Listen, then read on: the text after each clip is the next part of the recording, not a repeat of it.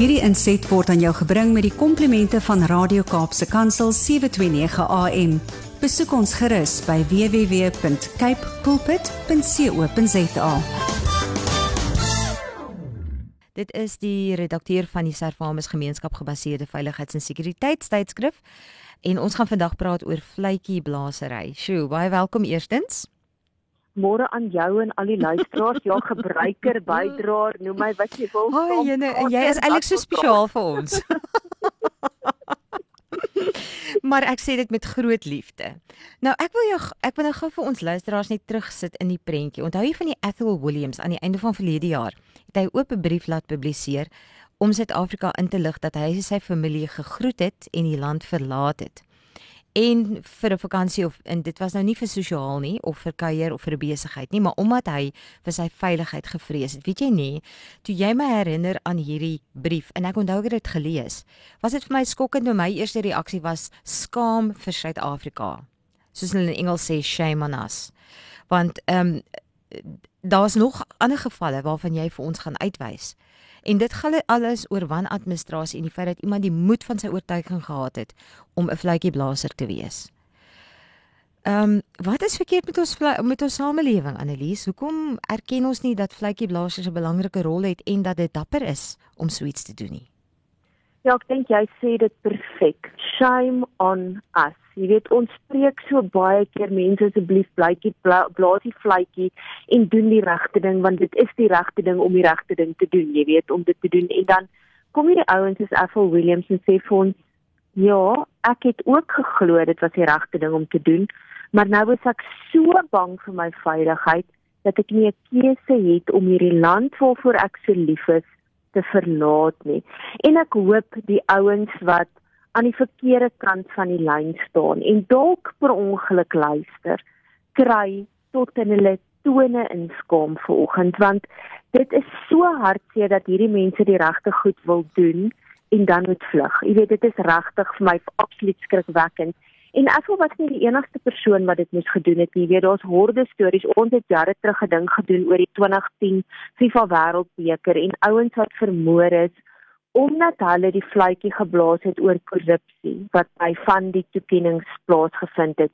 Dan was daar mense soos Bobita um Dekoran wat vermoor is omdat sy die vletjie geblaas het oor ongeruimthede wat oopgevlek is ten opsigte van oor die 300 miljoen se bestellings vir persoonlike beskermende toerusting wat die departement van Gauteng se gesondheid na bewering uitgereik het onregmatig en daar's ondersoeke daaraan. Jy weet daar's 'n klomp aantal sake voor die staatskapingskommissie gewees juis danksy die brawe feitjieblassers maar baie van hierdie mense se lewens is omgekeer in 'n negatiewe manier omdat hulle die waarheid ontbloot het. En hoekom gebeur dit? Omdat die ouens wat aan die verkeerde kant van die lyn staan, nie wil hê die ongeruimthede moet uitgeblaas word nie, want hoekom? Hulle verloor geld en hoekom? Hulle weet hulle kan aan die einde van die dag met 'n oranje pakkie in die tronk gaan sit. En dit is nogal vir my baie gepas gewees wat ons president in sy weeklikse nuusbrief geskryf het na Babita se moord en ek gaan dit net vir die ouens wat dalk nie elke week sy nuusbrief kry en hulle e-pos is wat ek nou elke week kry nie, net gou-gou weer dit lees wat hy geskryf het oor oor haar. She was a hero and a patriot, as are the legions of whistleblowers who, at great risk to themselves, helped to unearth instances of misdeeds, maladministration, cronyism, and theft the intent of the criminal to target whistleblowers is not only to silence particular individuals, it's only also to send a message to other potential whistleblowers. Nou ten spyte van die guns wat vletjieblassers ons land doen net ten opsigte van die inligting wat hulle ontbloot, bly dit 'n reuse risiko vir hulle en hulle gesinne, soos wat Affel en Babita vir ons gewys het. Sjoe Annelies, dis um, ernstige goed waaroor ons hier praat. Nou is staatskaping beperk net tot Suid-Afrika of 'n wêreldwye probleem en ervaar vletjiesblassers dan ook internasionaal ehm, 'n um, probleem met beskerming? Ja, ongelukkig is dit so, jy weet dit is regtig 'n probleem wêreldwyd. Met korrupsie wat wêreldwyd 'n probleem is. Ja, ek weet baie ouens van Suid-Afrika het al die goue medalje gekry vir vir korrupsie en ons staan heel voor in die koor. Maar dit is jy weet sodat dit regtig 'n wêreldwye probleem is.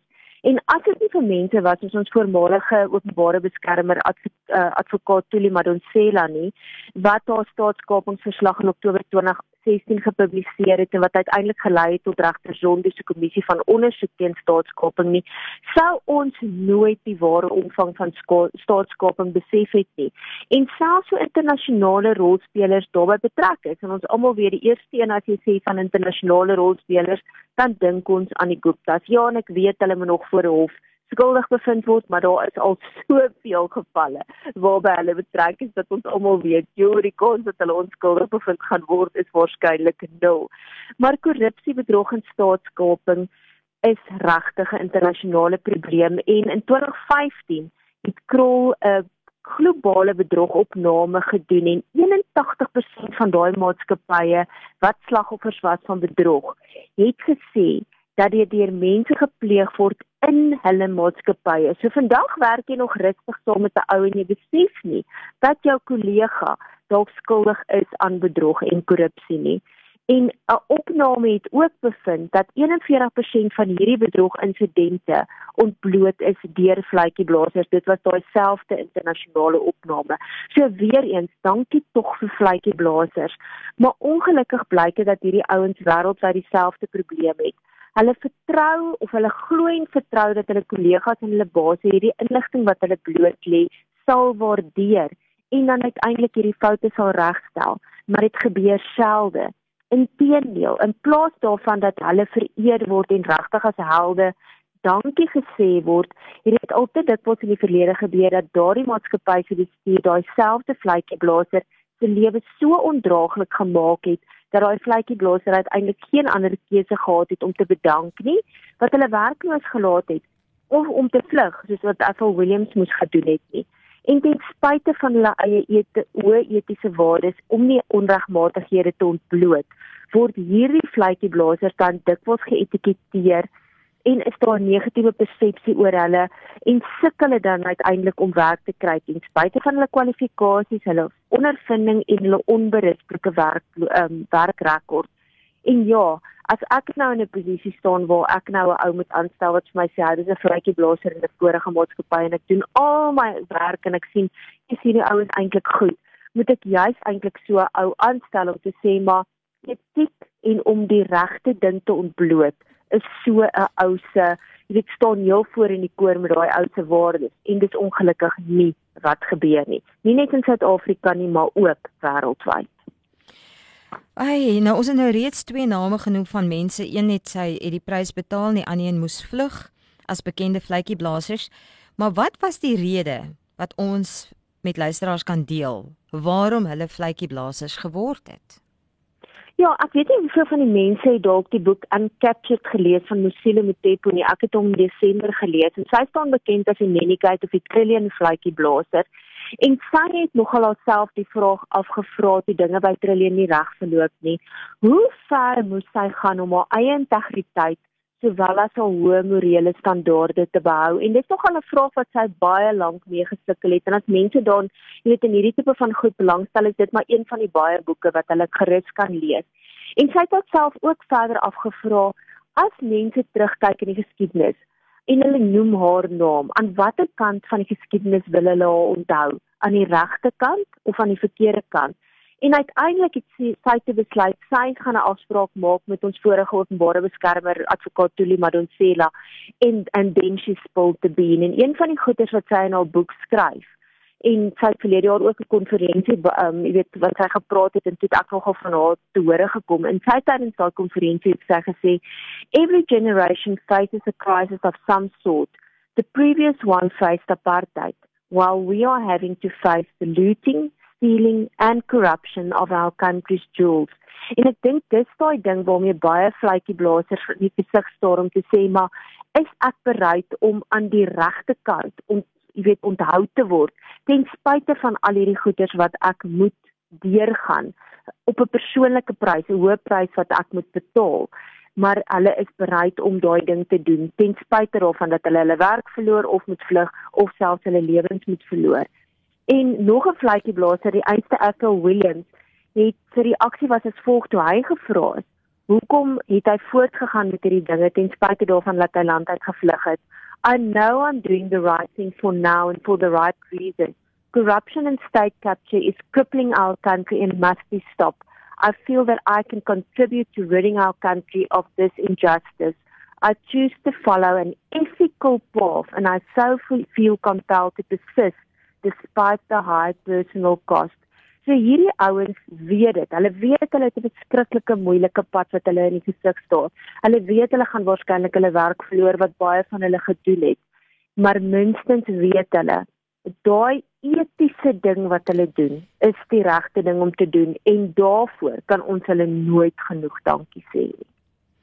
Nou ja, wat word gedoen om ons vletjieblassers te beskerm en hoe kan ons dan nou En daar's baie mense wat daar buite dalk nou met konflik sit vandag wat in hierdie mm. situasie is en wat 'n keuse moet maak. Wat vanoggend luister na ons en dink moet ek moet ek nie. Nou eerstens vra ons in gebed dat jy jou oortuiging sal volg en dat ons die regte ding sal doen omdat die Here dit van ons vra. Soos wat hierdie mense nou ook gedoen het. Maar kom ons kyk 'n bietjie na beskerming vir hierdie mense. Word daar genoeg gedoen? Word dit aangespreek? Die langer die kort is meer daar word nie genoeg gedoen nie want anders het dit nie met met um, Bobita en met Effel gebeur wat met hulle gebeur het nie. En ons het wonderlike wette in plek ensovoorts. Jy weet wat sê daar's beskerming vir ons vletjieblassers maar met daai einste konferensie wat ek verlede jaar bygewoon het en een daarna ook het een van die kenners nogal gesê wat vir hulle kommerwekkend is dat ons huidige wetgewing in sommige gevalle eerder 'n copy and paste oefening is van ander lande se wetgewing eerder as om Suid-Afrika se unieke omstandighede in ag te neem en een van die tekortkominge wat is dat ons huidige wetgewing moet aangepas word en dat ons nuwe beleid en regulasies moet kry om ons vletjieblassers op alle terreine te beskerm.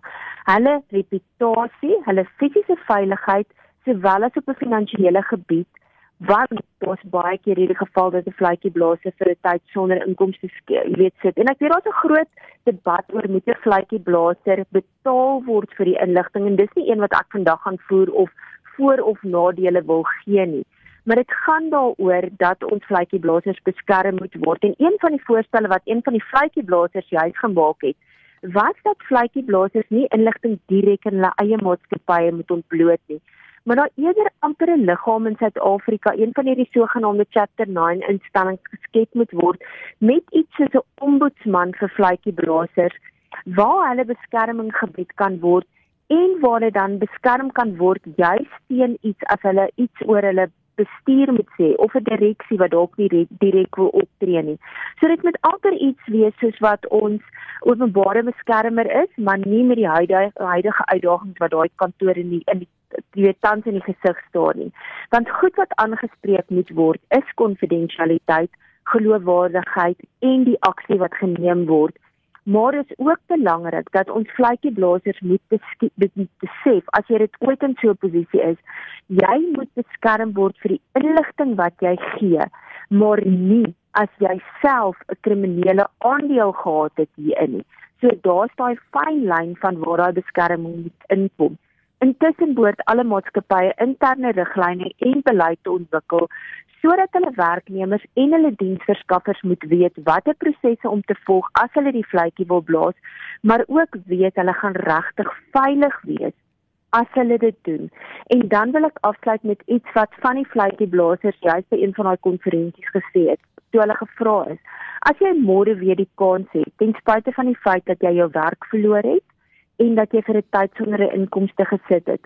As jy môre daai kans het om weer die vletjie te blaas, gaan jy dieselfde doen en hulle almal het dadelik gesê, ja, ons sal weer dieselfde doen. Daar's een ding wat ons anders sal doen en dis om anoniem te bly. So as jy vandag sit met ongelooflike goeie inligting wat jy graag wil ontbloot, wil ek vir jou sê, bid daaroor, verseker soos wat Jouma nou net gesê het, maar blaas die vletjie oorweeg dit dan net om anoniem te bly. En daar's baie plekke waar jy dit kan doen.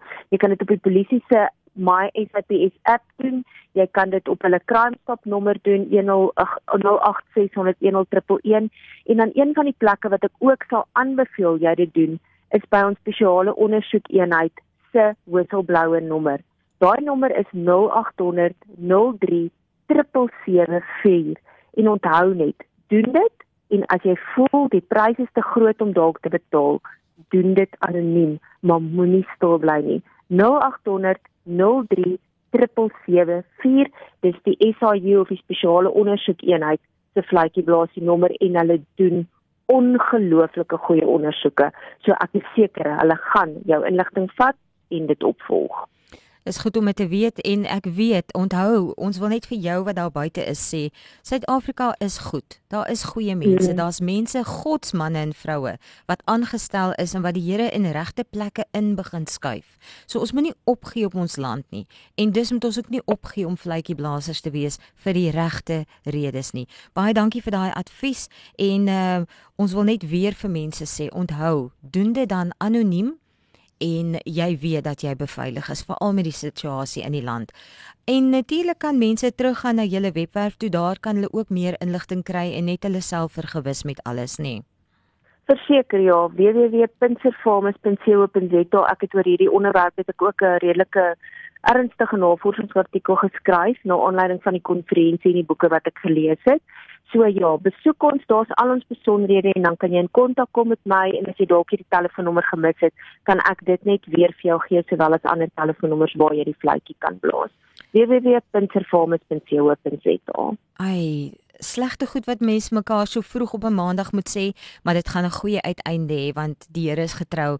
Hy vat ehm um, die waarheid en dit sal altyd seëvier. Die lig verseker verdryf altyd die duisternis. Dankie dat jy dit vir ons onder ons aandag gebring het. 'n Heerlike week vir julle daar in Pretoria. Dankie dieselfde vir al die Kaapenaars en in die res van die land en die res van die wêreld wat saam met ons luister. Ja, dis waar. Ons het 'n groot luistertaal wêreldwyd en dis heerlik en 'n voorreg om ook saam met jou te kon kuier. Totsiens. Groetnis tata. Ons kuier saam hier in 'n leef bly ingeskakel. Ons is nou weer terug. Hierdie inset was aan jou gebring met die komplimente van Radio Kaapse Kansel 729 AM. Besoek ons gerus by www.cape pulpit.co.za.